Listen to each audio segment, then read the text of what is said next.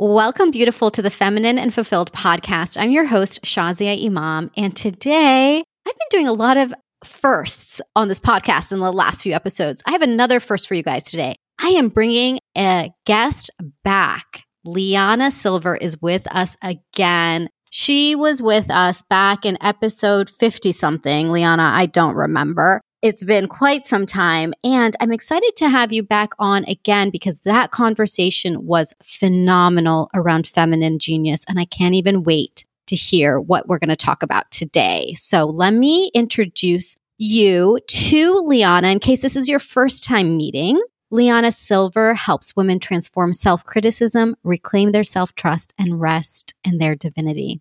Through a unique process that finds where the self criticism got installed in the first place, LiYana helps women stop self doubt and second guessing so that they feel comfortable in their skin, clear about their worth, at home in their lives, and naturally trust themselves, even with life and work's hardest choices. LiYana's offerings include her book, Feminine Genius, private coaching, and her online community, The Deep End. Her work has been featured in the Huffington Post, Forbes, Jezebel, Thrive Global, Bustle, Emerging Women, and Yoga Journal. She also dances, paints, mamas, takes deep breaths, and mostly eats sitting down. Welcome back again, LiYana.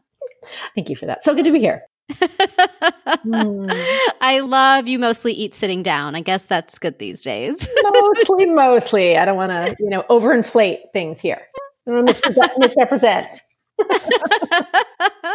one of the things that I love anytime we talk, LiYana, is that the conversation is always very real. And it's very real women to women. Like it's, let's just talk about the reality of being a woman and the power of being a woman. And I feel that mm. every time we talk, that's what it feels like. Mm. Oh, so well said. And, you know, we are also reclaiming, discovering what it is to be a woman through our own eyes and our own experience and not through other people, other culture, like dominant cultures, decisions for us. It's radical and that's really powerful. Mm, so let's just go there. Let's start with that. Let's talk about some of the things that we have learned culturally and societally about being a woman. So, this has got to vary, of course, from your family, from your spiritual tradition or religion and culture, etc. But I do believe that there are two main ways that we are acculturated as women and girls, and that we are said, we are told, sometimes in words, but sometimes we gather this in ways other than explicitly, that our worth, our value, our right to exist on the earth is dependent on our physical attractiveness and our sexual availability. Mm. Depending on things, it might go into, you know, are we going to be mothers, right? There's that aspect too. I think there's this very narrow way that it said you can feel valuable as long as you meet these beauty standards. You can feel worthwhile as long as you are this narrow window of sexy and not this one. So I think that there's things like be perfect, be pretty, be pleasing to other people, say this, don't say this, act this certain way, wear these things, don't wear these other things. And what happens for any human being when we're told there's a very narrow set of ways you can be is that then we have to squish down a lot of other important parts of us. We have to say, wait a minute, but I feel this. I'm not supposed to feel this. So what do I do with those feelings? I squish them down wait a minute, I know this, even though people say I can't know that, but I do. I see that. I know that. I feel that in my body, but mm. I can't. So I'm going to squish that down. Wait a minute, I am supposed to be this same level of on and productive all the time, but I don't. So, okay, I'm going to squish that down. I'm going to have another cup of coffee or an Adderall, you know, stay up all night. And so that to me is the where our strength is recovered is to go, wow, these things. But so actually, that's what I call feminine genius feminine genius is all these strengths that we think of are not strengths our intuition, our feeling, our sensuality, our cyclical nature, our ability to interconnect rather than be competitive. And so I think when you talk about the strength of being a woman, that's part of what we are really diving into. Mm, and even just those words you've used, I mean, for some people listening right now, might just be brand new. We are not acculturated to any of those terms.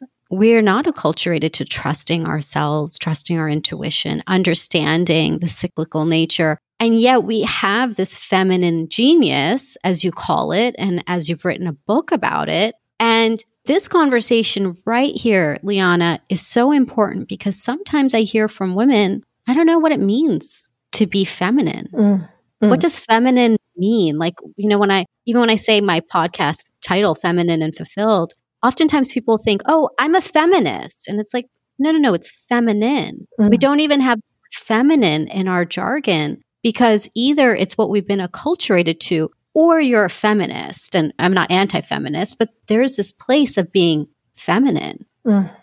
I love this because this is a subtle thing and it's one of the most powerful things that I am looking into at the moment, which is if feminine wasn't what other people thought it was, it was what I thought it was. What do I think? What do I believe? What do I feel? If beauty is not what I see on the cover of a magazine or that I have to pay X number of dollars for. But what is it that I find beautiful? Can we find an organic, natural, unique knowing that it comes from ourselves, that isn't kind of programmed in? And that, this I find really thrilling. You know, what is that? What does feminine mean to you? Mm. Yeah. Mm. Gosh, that's really going deep. Now I'm I'm really thinking. I mean, for me if I were to answer that question, you know, feminine to me is like a freedom. It's like a lightness. Mm. It's beauty. It's a beauty in the seasons. It's a beauty in the acceptance. It's soft and yet so mighty. And it just is. Like there's just this feeling that I have when I'm just so fully in my feminine that is so easy. Mm. Mm. What is it for you? Yes. Oh, what a great question that I posed to you and you're posing to me. Mm-hmm. So I think of this that inside every human, regardless of gender or sexual orientation or acculturation, we have masculine and feminine inside of us. And yet, of course, we live inside cultures and a world that prefers a masculine way of working, prefers masculine attitudes and values and work ethics, and even male bodies. Most medical studies are done on male subjects, not female subjects. So there is a particular way where finding what is feminine is finding the tossed out or the shoved down. So feminine for me is so similar. It is deep beauty. It is the ever changing, flowing movement of life itself, as opposed to that which can witness the flowing, changing movement, right? It is the actual movement. Mm. Um, it is life, right? It is the entire life cycle. It is growth. It is the bursting into bloom and, you know, look upon this amazing sunflower. And it is the leaves falling off the tree and composting in winter, the entire life cycle. Feminine is raw creativity. Hmm. And I feel like that my aspects of me that are drawing on feminine energy are tapped into raw creative energy. And then, you know, my masculine energy helps me get it out into the world helps it make manifest in the world. I love what you said about easy. There is an ease and a flow that I think is the essence of the feminine. And that when we feel we're in synchronicity or things are flowing, I think that's because we are inviting the feminine energy or the feminine archetypal energy to have its way with us. Hmm. I'm almost like just in the still in the life cycle. Mm. like when you said that, I was I just got lost. I'm like staring at this tree outside, and I'm like, yes. I mean, it's the full life cycle. Even though I feel that part of you know, especially Western society here in the U.S., especially, it feels like, gosh, like we only look at when the tree is fully bloomed and blossomed and then we celebrate we celebrate the full achievements of life or we look at that as an achievement of life and yet there was a life cycle. Mm. Literally, it started as a seed. And like you said, one day it will compost right back into the ground. And each part is so beautiful. And you know, one of the things about the feminine that I really try to remember because it's so easy to get caught up in the results and achieving and what, you know, the masculine side, which, like you said, it brings things into the world. Like, I mean, it makes it manifest. But I've really been reflecting on this place of what if I just enjoyed where I was today mm. in this moment? Hmm. Like, that's a radical notion. I mean, it's just so radical. Even though, of course, all the new age things, all the personal development stuff is talking about being present and everybody's looking to be present. And yet we have this society that's just always pushing and churning and doing and what are you getting and how many followers and this and that. And it's like, oh my God, like to literally be able to just breathe and be present, I believe is like the greatest radical like rebellion of today's time to uh, just say, no, I'm going to be good over here, relaxing. Yes. Yes. And this I'm glad we paused here.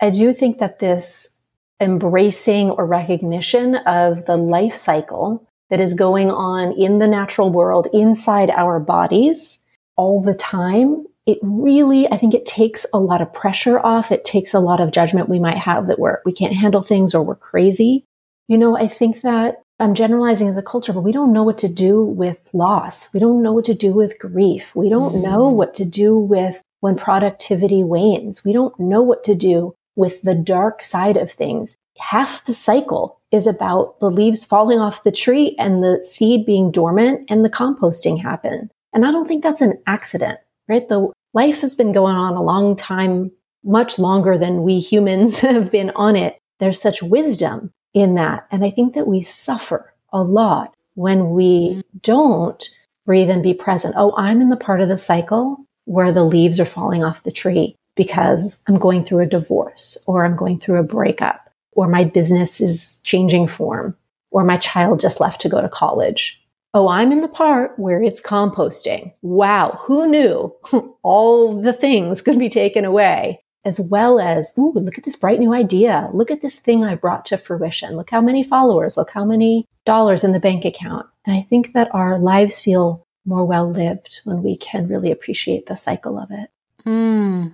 Well, your book, Feminine Genius, is so rich in, in diving into, you know, all the things that we've just started to, you know, just hit the surface on. And I know that recently it's being released on audiobook. Is that correct? Yes. I'm so happy. Yes.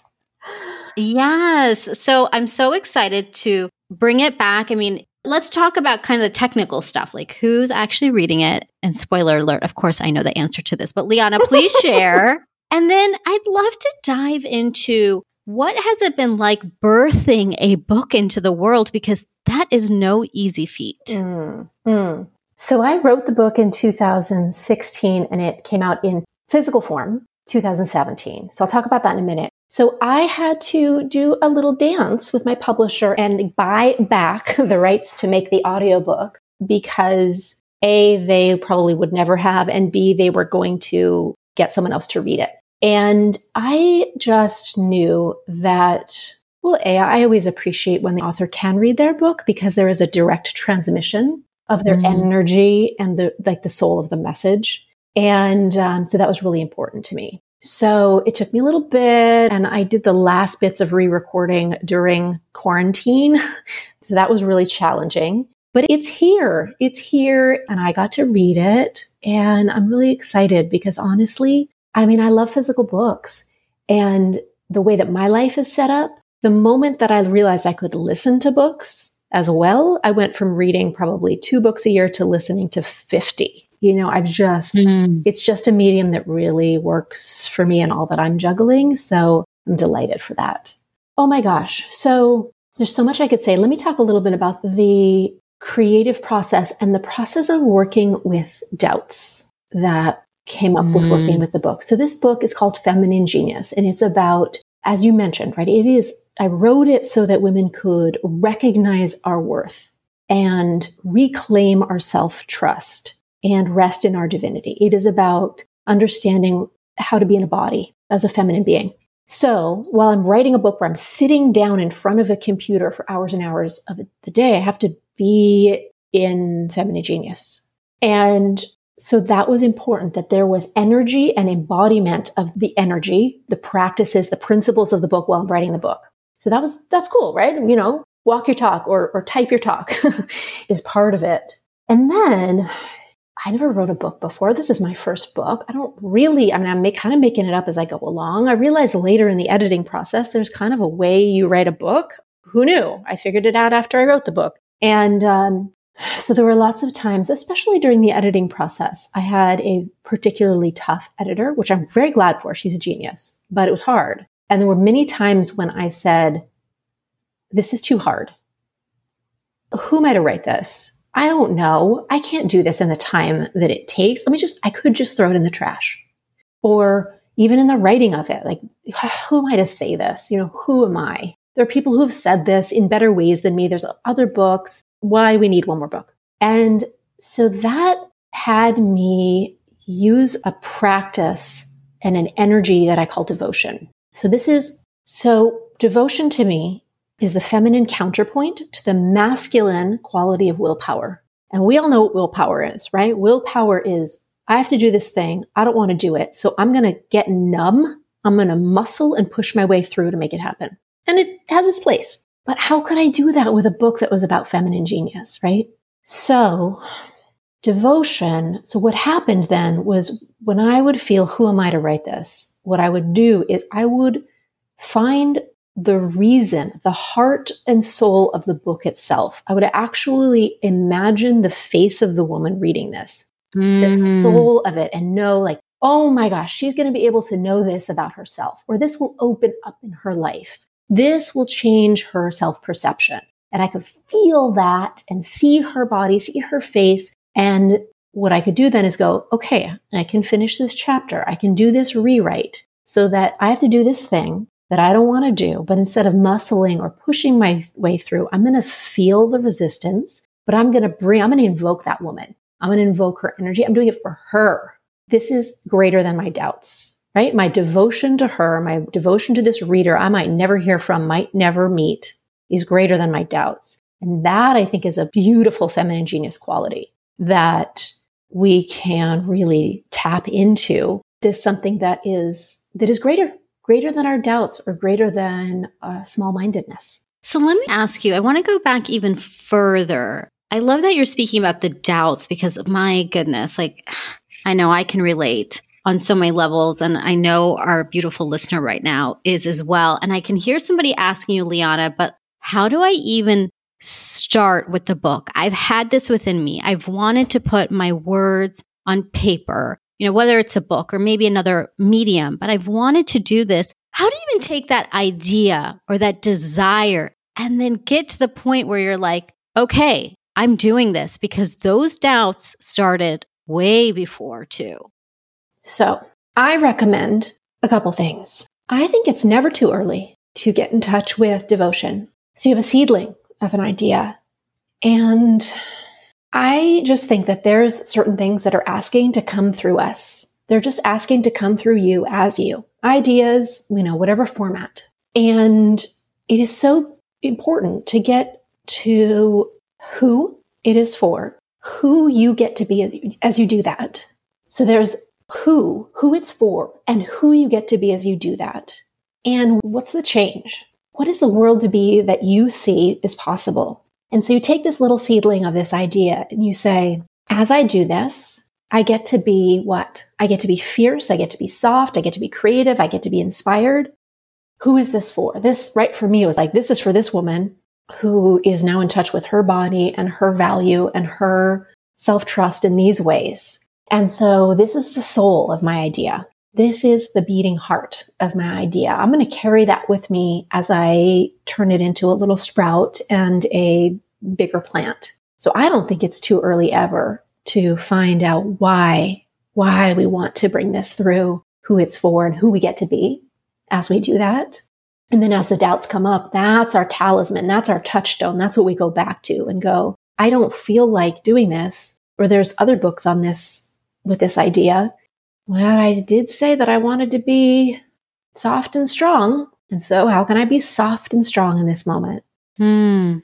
Practically, practically, So I think that there is a, and there's different stages of a writing project or of an idea. And sometimes it can be in a bit of an unformed and vulnerable stage. That is not the stage that I would say go take that to a, a, a tough writing group or your friend who's an editor or something like that's the time to be treating it as though it's in the womb, right? Like there's just a lot of space and a lot of love and a lot of good nutrition until it grows a bit and it's got more of a heft to it. And then you could start bringing it to a writing group or, you know, where it's going to get more honed. But I think it's really important to be in the stage where you're just being creative with it and letting it grow at its own pace. Yeah. yeah. And the, the thing, too, that's really standing out to me about what you're sharing is this piece about the who. The who do you get to be and who is it for? Because this devotion piece, it's the first time I've ever heard it even phrased that way. And it's giving me a lot of food for thought as well. Because when doubt comes up in any project or any endeavor that we go on, you know, for me, the doubt that typically comes up is around this feeling of the self judgment, you know, being critical. A lot of the things that you said. Why is somebody going to even listen to me? You know, like, why would I start a podcast? There's so many out there, you know. Mm. Why would I speak? There's other people who speak yes. better. You know, I'm not being consistent, you know, this month. Why am I doing this? Somebody else is going to do it better. Like, I mean, there's so many things I'll tell myself, you know, I'm still learning. Oh, that's a good one. Mm. I'm still learning. So let me wait until I learn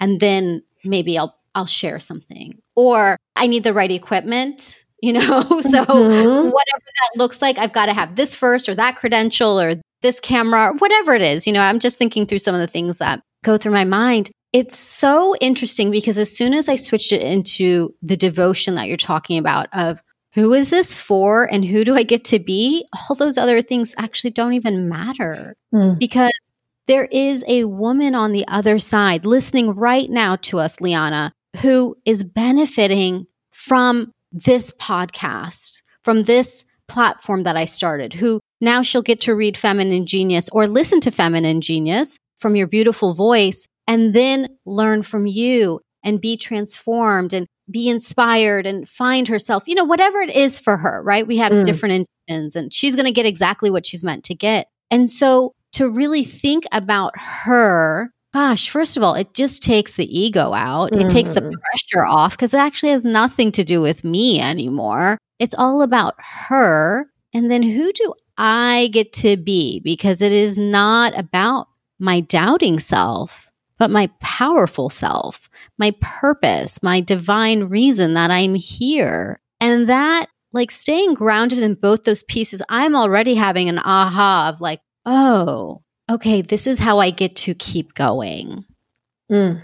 I love that you have such beautiful articulation. And I would actually add to there's a way I've come to see doubts not as um, a sort of a failure of the creative process. So, not as a failure, or a misstep on the creative process. So, no, it's a part of every creative process. And it's mm. actually, I, I like to kind of anthropomorphize or, you know, make little beings out of these inanimate objects of, of doubt. And I think of doubt as this kind of tough love trickster ally, which likes to come up in any kind of creative endeavor and go like, hmm, I'm going to stand here right in your way. I'm going to seem really scary and really big and really real, and I'm going to test you. So, what are you more devoted to than me?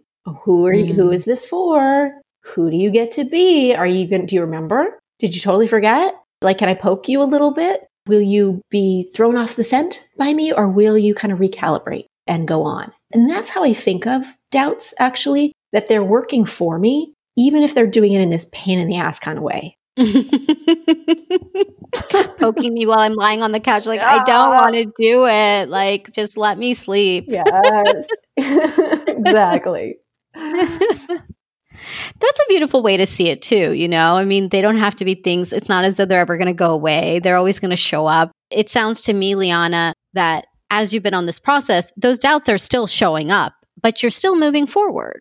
Yes, yes. And I think that the the sign of progress or making something happen isn't the absence of doubts, it's how we work with them. They're not going away. They're not mm. going away. Yeah. Let's talk about kind of the tactical things that you came up against. So there's one thing where it's our own doubts and, you know, learning to still continue moving forward. And then there are the external blocks or the limitations. You shared that you had to buy back the rights to your book and even the, you know, getting it onto audiobook format. I mean, these are real things that how do you address things when they come up like that where I could see myself being like, well, maybe it's not meant to be, so mm. forget it. Mm. Oh, that's such a good question. Wow. I feel like that is such a moment by moment, case by case decision. So, you know, there's a great definition of inner knowing or intuition. So it's um, direct knowing or insight without the need for conscious reasoning. So direct knowing without the need for conscious reasoning. You know it directly in your body before your mind gets involved. And so I think that it's good to continue to tap into that. So, do I know that I need to do this book? And is the kind of inner knowing stronger than the like, I guess it's not meant to be? So, I don't know if there's hard and fast rules for that. It may be just each individual person feeling into the direct knowing of their body and feeling into what's in flow and what's too hard and choosing in the moment. I guess I would say it's not that I'm expecting things to be effortless. Some things are a struggle and some things are very difficult. And yet there still is an energy of this is mine to do. And then sometimes when it's like, I guess this just isn't in flow, that energy isn't there. So it's not that it's hard or it's not that it takes some fortitude. It's more, it just doesn't feel like it's mine. There just isn't that direct knowing about it. I hate to be airy fairy in this answer, but I think we're talking about very subtle, important stuff here.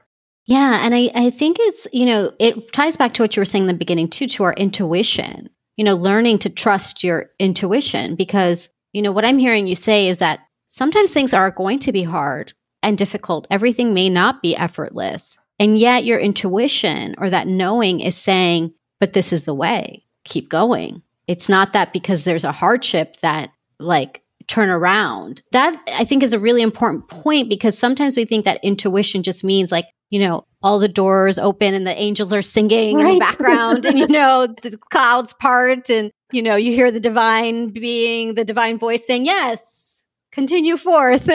like yes.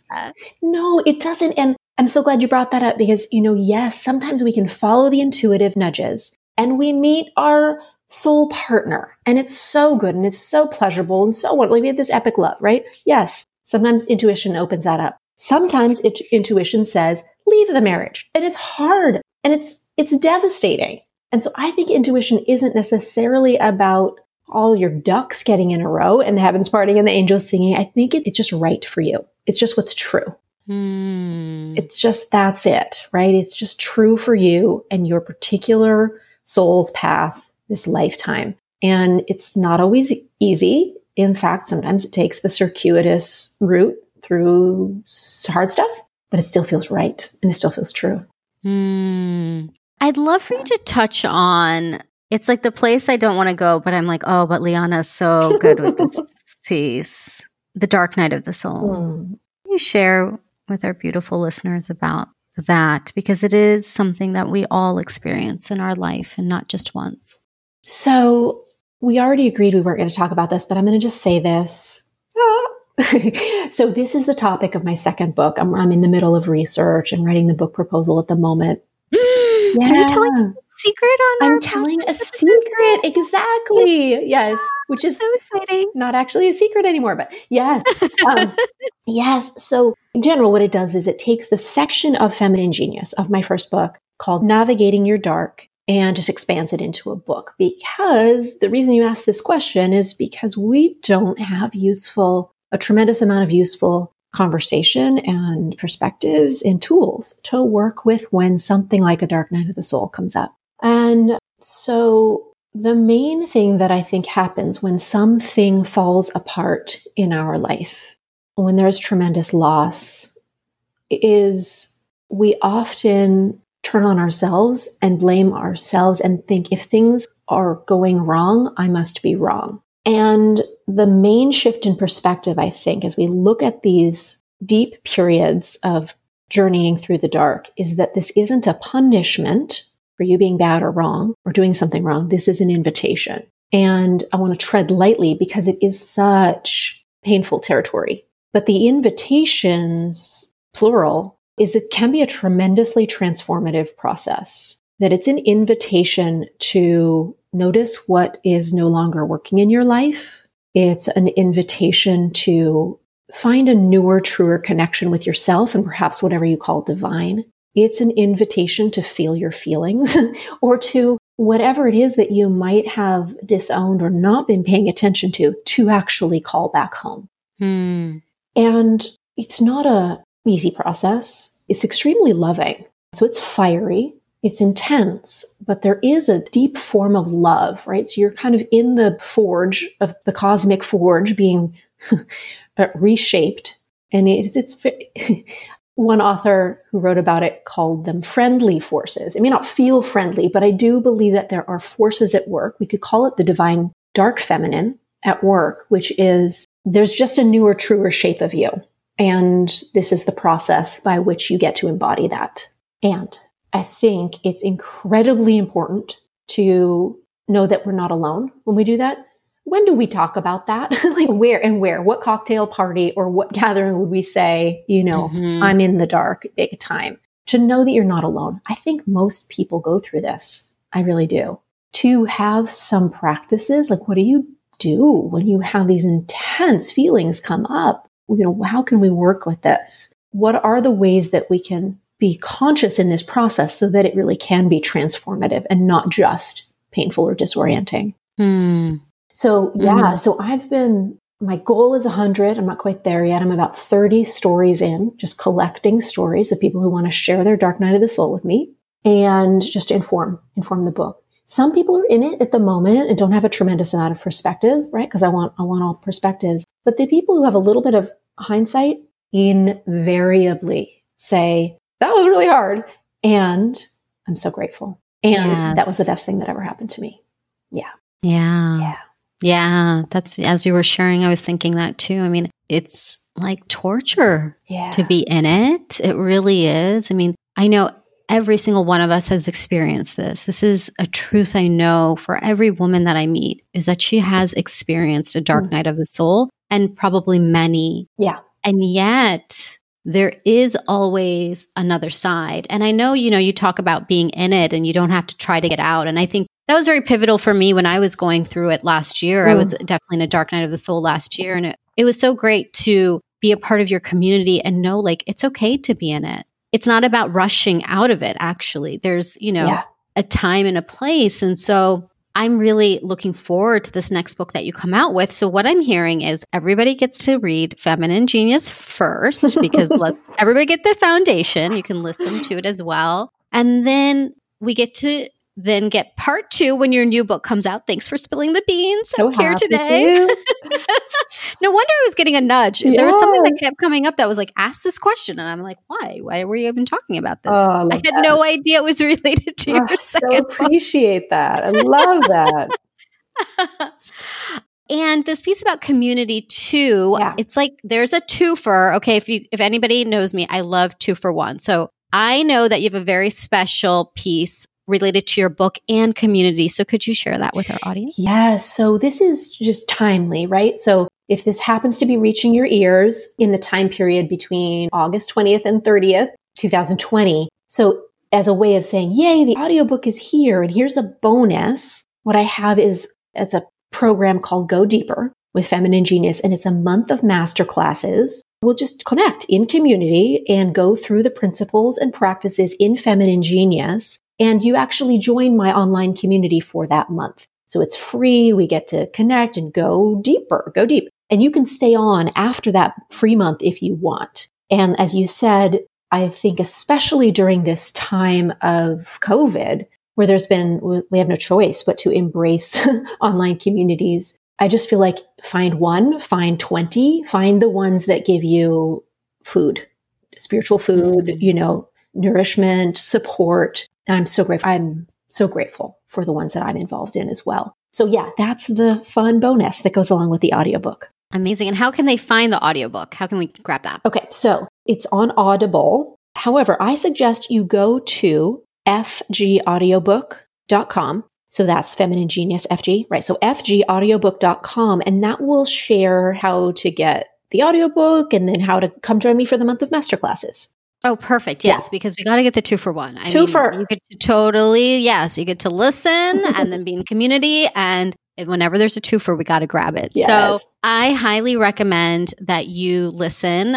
I am going to grab the audio version too because I'd love to be in this month of masterclasses with you. I mean, that is like yes, so what a beautiful please. offering. And, you know, this piece too that you are sharing about community and whether you're in one or many, I just have to echo that. It is so important as women that we are in sisterhood it is a part and parcel of our feminine as well as to be in community. So, yes, I'm talking to a female audience that we get to be with each other, mm. that we're not in this alone. We were never meant to be in this alone. And even though culturally we have been very separated and been told, like, do it on your own, that is not our nature. Mm. And there is nothing like being in connection with a sisterhood of like minded women. I mean, it just feels good every single time. Yeah.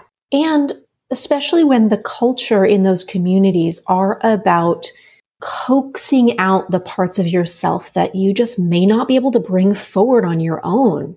How do we let each other in? How do we learn to celebrate things we would overlook? How do we look at ourselves afresh? How do we deeply honor each other and connect and etc. So I so appreciate those words about community. Yes. Oh, yeah. Oh, yes. Absolutely. So fgaudiobook.com is where you get to go and grab your version of Feminine Genius, your audio version. Join the month of masterclasses. I'll be over there too. And LiYana, any other parting words? And also, where else can people find you too? I know that there's other ways to find you. Absolutely. And any parting words for our audience? Yes. Today? So I am on Instagram, and that's LiYana underscore silver.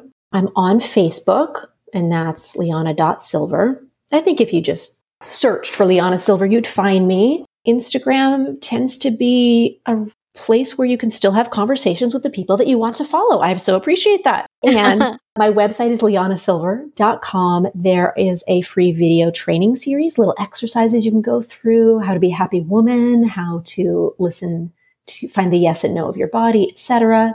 There actually are a series of bonuses for my print book. So if you want to go there, there's a guidebook for leading or creating a book club or women's gathering.